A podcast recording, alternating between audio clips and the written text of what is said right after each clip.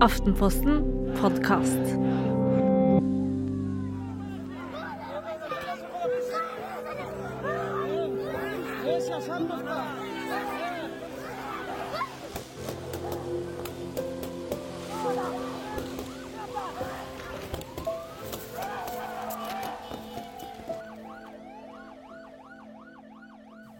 Desperate mennesker som klamrer seg til fly, eksplosjoner og død, enslige barn på flukt.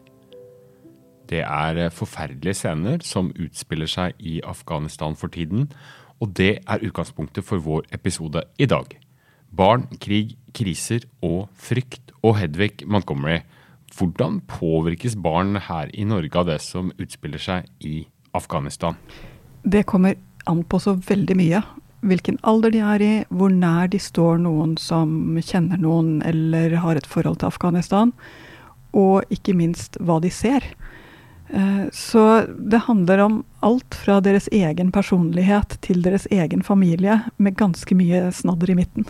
Når jeg hører på nyhetene om morgenen, så merker jeg at jeg liksom prøver å overdøve når de sier ord som drept og døde osv. I hvilken grad skal man skjerme barn, og i hvilken grad skal man eksponere dem og forsøke å, å, forklare. Det som ikke er forstått, gjør fryktelig, fryktelig vondt. Eh, og nå står vi overfor scener som er veldig, veldig vanskelig å forstå. Selv for oss som er voksne. Mm. Jeg tenker at det ikke er å skjerme barn eh, unødvendig og sørge for at de ikke får informasjon som de ikke kan forstå, ikke kan forholde seg til, ikke kan være med i. Eh, så jeg forstår godt at du prøver å overdøve, og jeg syns ikke det er noen dårlig taktikk, så små barn som du har. Mm -hmm. Men det er ikke så veldig lenge til du har skolebarn, til du har ungdommer, til du har barn som trenger å forstå, som trenger å kunne være en del av en verden som det er mulig å få armene rundt. Og da nytter det jo ikke å stå og overdøve. Da er vi plutselig på, på et annet stadium. Mm. Vi får ta for oss dette her litt i, i, i rekkefølge og tur og orden. Men jeg nevnte at eh, dekninga har vært massiv. I hvert fall for oss som jobber i media, så går vi jo rundt i dette og jobber i dette hele tida. Men hvor mye fanger egentlig barn opp, tror du, av det som skjer? Det er jo ganske individuelt, eh, og kommer an på eh, hva de ser på, rett og slett. Men jevnt over så oppfatter barn mindre av dette. altså De er opptatt av sitt eget langt opp i hårene. Mm. Eh, og er ikke spesielt opptatt av å oppsøke ting som, som bare gjør dem vondt. Mm. Så mange barn får med seg fryktelig lite. Men så er det også slik, og det er det som gjør dette så, så vanskelig, det er at plutselig er det ett bilde eller én setning som skjærer igjennom, som kommer igjennom dette litt barnslige forsvarsverket de har, mm. og som setter seg i dem. Som de spiller opp igjen og igjen når de skal legge seg, eller som kommer tilbake igjen og igjen når de skal gå på skolen eller når de går på do. Plutselig så er det noen ting som bare går rett inn i dem. Og det er ikke alltid så lett for oss voksne å skjønne hva det noe er. Mm. Hva det bildet er, eller hva den setningen er. Mm. Og hvordan skal man i så fall da prøve å, å, neste nøste i det, da? Jeg tror bare for det første vi skal beredskapen oppe. Vi skal være klar over at barn kan bli veldig, veldig berørt nettopp av ting som ikke vi helt skjønner at de har fått med seg. Vi skal skjønne at noe av den frykten de plutselig kan få for å være borte fra oss, eller for å komme bort fra oss f.eks., kan komme fra at de har sett noen ting som de trenger å få forklart. Så der kommer vi litt til nøkkelen i dette her, og som gjør dette vanskelig, og egentlig som gjør at det har vært en hel podkastepisode. Det er at noen ting som er så vanskelig å forstå for oss, må vi klare å forklare for dem. Mm. Men det er jo ikke så lett når man ikke forstår det helt selv. Nettopp. Og det betyr at det å begynne med seg selv er faktisk et viktig sted når vi står i slike voldsomme kriser og voldsomme For jeg har jo også bare lyst til å snu meg vekk. Ikke forholde meg til det. Mm. Vite minst mulig. Mm. Mens jeg merker der hvor mine barn er nå, så trenger de at jeg kan forklare noe om hva konflikten handler om, historikken bak. Jeg må klare å knytte det inn i noe som gjør at det er en historie og en linje, og ikke bare det isolerte bildet av babyen som løftes opp over muren. Så som ansvarlig forelder og voksenperson så har man en slags plikt da, på å sette seg ordentlig inn i hva dette her egentlig handler om, eller? Jeg kjente at her var det mange ord som, som, eh, som ligger litt tungt også for meg. Men ja, eh, vi må prøve å forstå verden for barna våre, sånn at vi kan oversette den for dem.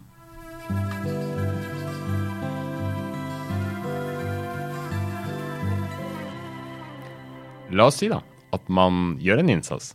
Man leser seg opp. Man forstår hva dette handler om og så skal man begynne å forklare.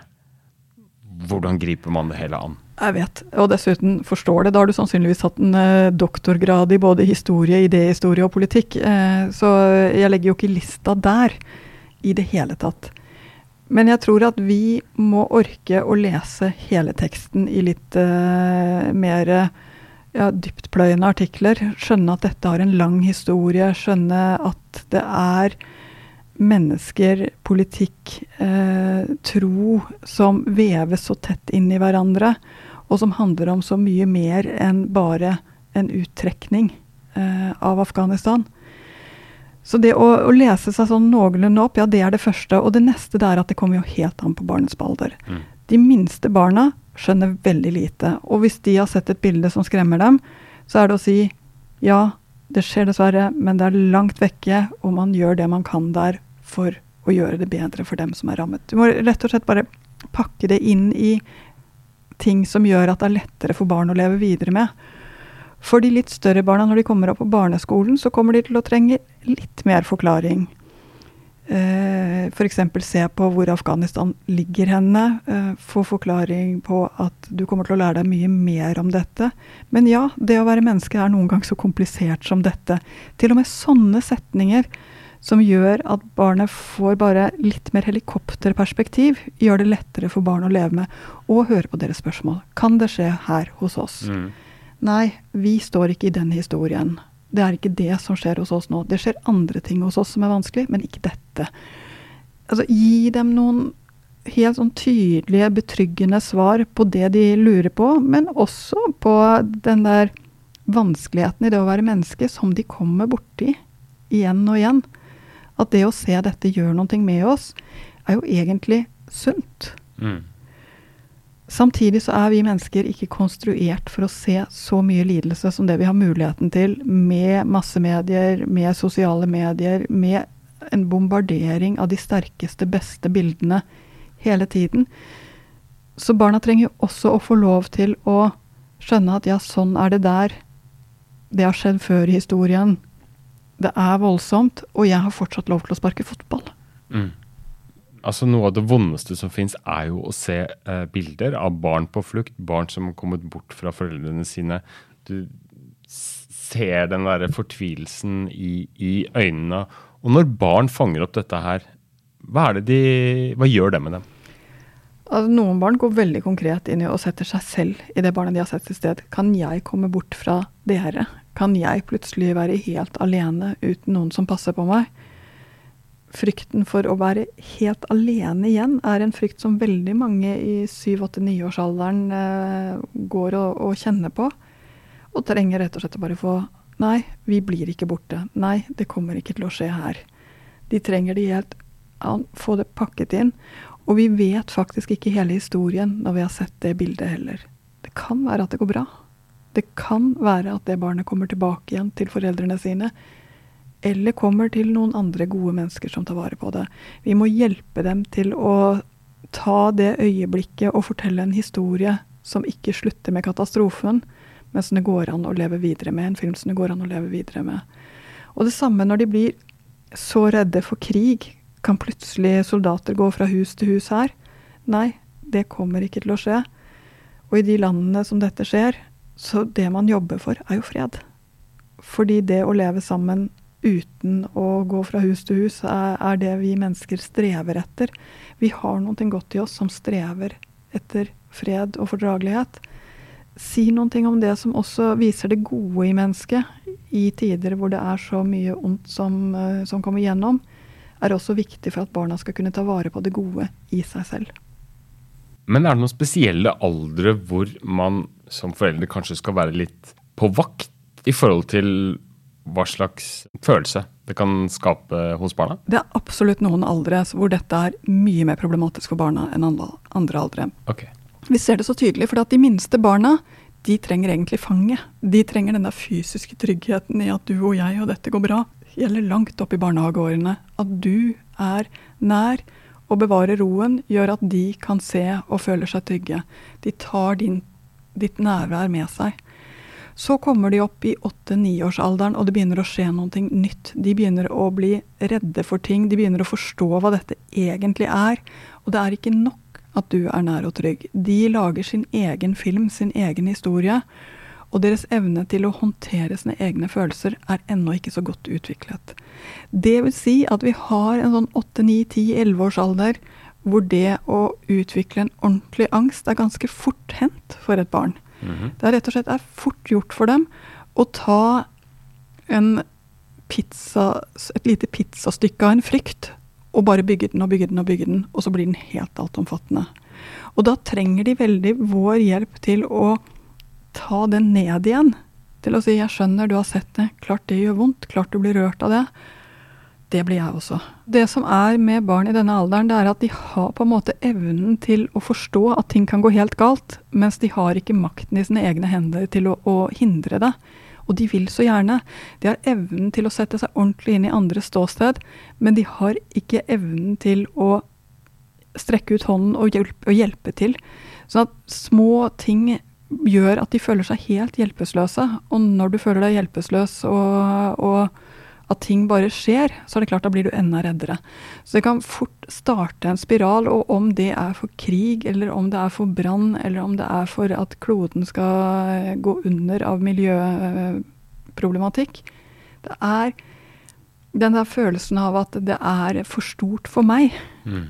Det er overveldende. Og det eneste jeg kan gjøre, det er å bli redd. Det er redd jeg er. Mm. Den er mye lettere i denne alderen her. Så ser vi at når barna kommer opp et hakk og begynner å bli mer nyanserte, som de blir på, på, ungdomsskolealderen, de blir bedre til å se ting fra forskjellige ståsted, de setter seg mer inn i det, da dempes frykten. Men så kommer de til et interessant punkt faktisk litt senere, hvor de blir veldig svart-hvitt-tenkende, altså moralistiske opptatt av rett og galt. Det skal være helt 100 riktig. Hvilken alder snakker du om da? Og da er vi oppe i 16-årsalderen. Okay. 15-16-årsalderen. Mm. Uh, og da er det også lett for dem å havne på de ekstreme løsningene og ekstreme tankene i møte med problemer. Så der skal vi også være litt varsomme med dem. Hvem de, blir, eh, hvem de er med, at de ikke bare diskuterer med andre, men også får en forankring i diskusjonene hjem, og at de ikke føler seg alene. Men kan det gi seg spesielle utslag, f.eks. en situasjon som vi nå tar utgangspunkt i her og, her og nå? Ja, det kan det, fordi at her kan vi få altså Rett og slett radikalisering skjer ganske lett i denne alderen, når de føler at de ikke helt hører til, og ikke har noen som de kan ja, snakke med dette om. Mm. Så da, om det da blir en religiøs eh, ekstremisme, eller om det blir en politisk, eller om det blir en humanitær, altså at de, at de går altfor langt i å skulle hjelpe til. Det er, så, det er, så, mange retninger som de kan dras i, som er utover det de faktisk kan eh, bidra med, og utover det som er bra for dem.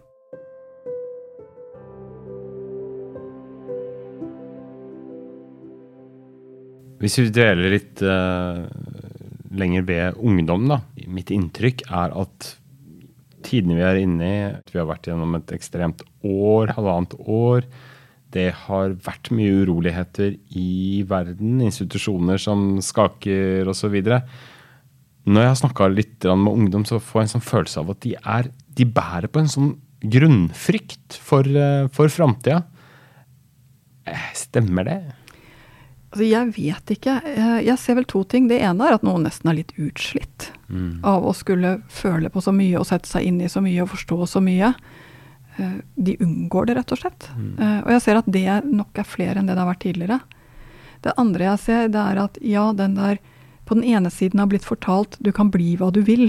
Eh, dette kommer, du er fantastisk, vi støtter deg uansett når du setter det glansbildet, hvis vi skal kalle det, foran denne veggen av ganske fortvilte opplysninger om hva som faktisk er i ferd med å skje med klimaet, om hva som er i ferd med å skje i et område som det bor veldig mange mennesker i, om flyktninger som drukner i sitt forsøk på å få et verdig liv. Altså Det er så dramatiske, mørke ting som dette lille glansbildet kommer foran, og det gjør det vanskelig.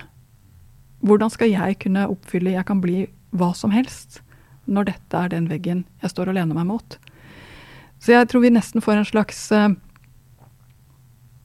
eksistensiell depresjon, hvis vi skulle kunne kalle det det. Mhm. Fordi hva, what to do? Hva finnes det for noe å gjøre med dette? Ja, man kan eh, demonstrere, men det monner så fryktelig, fryktelig, fryktelig lite. Og den der følelsen av at jeg kan få det godt i denne verden, blir litt rokket ved. Ja. Så er jo sannheten. Du kan få det godt i denne verden. Mm. Vi kommer til å finne løsninger på masse av disse tingene. Veldig mye av det vi står i nå, som også føles som en helt spesiell situasjon, har menneskeheten vært igjennom mange ganger før. Det går i noen bølger. Det å lande ned på føttene er helt forbløffende når man leser opp gjennom historien hvordan menneskeheten har klart med større eller mindre sår. Helt svart er det virkelig ikke grunn til å se på verden når vi ser på at det er mindre fattigdom, færre som sulter, flere som har det godt der de bor, så er det faktisk en grunn til optimisme. Men det budskapet er jo ikke akkurat det som er lettest å stå med akkurat nå. Og spesielt ikke fordi vi også trenger å gjøre noen ting. Vi trenger å endre på hvordan vi lever, hvordan vi spiser, hvordan vi eh, forbruker for at vi skal ha en klode å gi videre.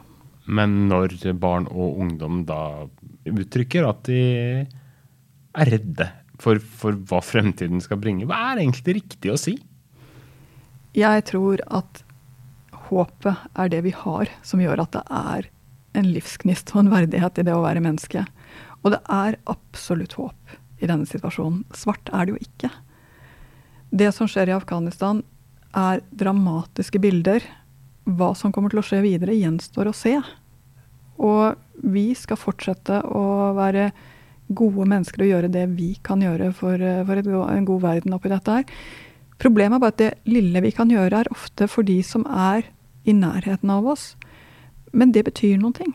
Det betyr noen ting å gjøre noe for dem som er oss nærmest også.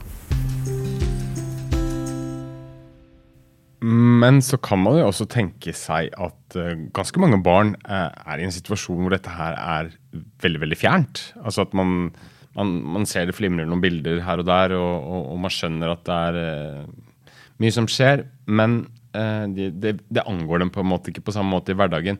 Mens andre har det tettere på, enten at de kanskje kjenner noen som har en flyktningbakgrunn, eller er i familie med noen. Hva blir foreldrenes uh, viktigste oppgave for slike barn? For å si det sånn, det er veldig mange familier i Norge som er direkte berørt. Mm. Som har familie i Afghanistan eller i landene rundt, eh, hvor dette går rett inn i den daglige familielivet. De er urolige for noen. Og jeg tror at når vi er urolige for noen, så er det ingenting annet å si dette er det som skjer, og det er det vi nå gjør. Mm. Dette er det vi nå ser, og dette er det vi kan prøve på for å leve i denne situasjonen. Altså det å vise barna både at det som skjer, ja, det er en sannhet, og ja, vi kommer til å klare oss her. Og dette er det vi gjør for å hjelpe dem vi kan hjelpe. Altså Du kommer mye, mye nærmere det å ikke snakke om de familier som er direkte berørt, kommer til å gjøre det veldig veldig vanskelig for barna, fordi de vet at de er direkte berørt. Barn fanger opp slike stemninger så utrolig fort. Jeg treffer ofte familier hvor de sier at vi skjermer barna mot dette, det skal de ikke trenge å forholde seg til. Men er det viktig, så har barna fanget opp for lenge siden. De merker den lille rykningen eh, i kinnene. De merker hvordan de voksne senker stemmen og begynner å snakke om noe alvorlig. Så ja, de trenger å skjønne noen ting om hva som skjer, men også få tryggheten på at vi snakker om det fordi det er viktig, men vi er trygge her. Få den direkte forståelsen for det. Og jeg tror også det er viktig at andre som har barn som er direkte berørt, i klassen, som lærere eller i barnehagen, at de skjønner at dette kan lage uro, som gjør at det trengs ekstra trygghet, ekstra smil, ekstra rett og slett respekt for at dette er noe som din familie går igjennom nå. Og det samme for de andre barna. Det er så fort gjort. Og jeg må bare si, barn er jo helt utrolige. De begynner jo å leke alt fra annen verdenskrig, som eh, vi jo lekte til og med i min barndom, til å, å leke talibanere og, og amerikanere. Ja. Altså De kan så fort gå inn i den leken, som kan bli veldig vondt for noen som, eh, som faktisk er berørt. Det er ikke noe mer enn å skjønne det. Det er verken vondt fra de barna som leker, eller fra den som står ved siden av, men vi må forstå hverandre. Det å forstå hverandre, det å forstå det allmennmenneskelige lidelse, det at det er noe vi alle kan sette oss inn i, gjør det lettere for dem som står nærmest. Før i tiden var det vel kanskje litt enklere å kontrollere eller, eller overvåke eller følge med på hva barn ble utsatt for? Og sånn sett vite hva de har bedre utgangspunkt for å vite hva de eh, kanskje skal finne på å tenke på. Nå er det jo ikke sånn. Det hjelper ikke å skru av TV-en, det hjelper ikke å skru av radioen. De kan oppsøke det og finne det hvor de vil. Ja, og det må jeg bare si. Jeg syns det er helt fascinerende når jeg ser på mine egne barn som sitter og ser på uendelige mengder ganske tomhodet innhold på YouTube, jeg beklager å si det. Mm -hmm. Det renner over av morsomheter og vitser og tegneting og eh, lakking av negler og sånne ting. Og så plutselig innimellom der så kan det komme ganske voldsomme ting. Av bilder og inntrykk, og også noen som forteller noen ting som er forferdelig eh, direkte berørende. Og det er klart, har de ikke noe sted å si 'Å, jeg så dette', så blir de veldig, veldig alene med det. De snakker en del med hverandre om det, merker jeg. Men det er klart de er ikke i stand til å roe hverandre ned. Nettopp fordi barn nå kan bli så plutselig få så voldsom informasjon midt i noe som ser ut som en ganske trygg informasjonsflyt, gjør det enda viktigere at vår oppgave som voksne er å lage trygghet. Er å roe ned. Er å vise at rammene her er gode. Hedvig Montgomery, hva er de viktigste tingene foreldre skal huske på, syns du, i møte med barnas spørsmål og bekymring rundt krig og elendighet som de eksponeres for? Ja, altså, ondskap finnes. Og de trenger dels at du ser på deres modenhet. Hvor er de henne, hva kan de ta imot? Det andre er hør på spørsmålene deres. Det de lurer på, er tusen ganger mer verdt enn det du har lyst til å forklare. Mm. Så ikke gå for fort inn i pedagogrollen. Hør på akkurat det de lurer på, og svar ganske kort på det. For deres oppmerksomhet når de virkelig lurer på noen ting, spesielt for barneskolebarna, er ca. 40-60 sekunder. Okay. De trenger ganske sånn kompakte svar. Det tredje er pass på din egen frykt. Fordi blir du selv skremt av dette, og det må jeg bare si, det blir jo jeg også, men det hjelper ikke barna. Barna trenger at du skaffer deg rett og slett den der Ja, dette er det som skjer, og det kommer til å gå bra med deg. Vi har det godt her. Du må kunne si, uten å, å gå inn i hver eneste skjebne, som vi av og til blir så Det er så voldsomt hvor inn i skjebnene vi kan gå. Men det hjelper ikke barna at du er opprevet og at du er fra deg. Det hjelper dem at du lager trygghet og forståelse i en verden som akkurat nå, som nesten alltid, er litt vanskelig å forstå. Det var det vi hadde for i dag, og vil du komme i kontakt med oss, så gjør du det enklest via foreldrekoden på Instagram eller på e-post foreldrekoden at aftenposten.no. Du har i denne episoden hørt lyd fra nyhetsbyrået AP. Og vi er tilbake neste mandag. Da publiserer vi en ny episode. Takk så lenge for at du hørte på, og ha det bra.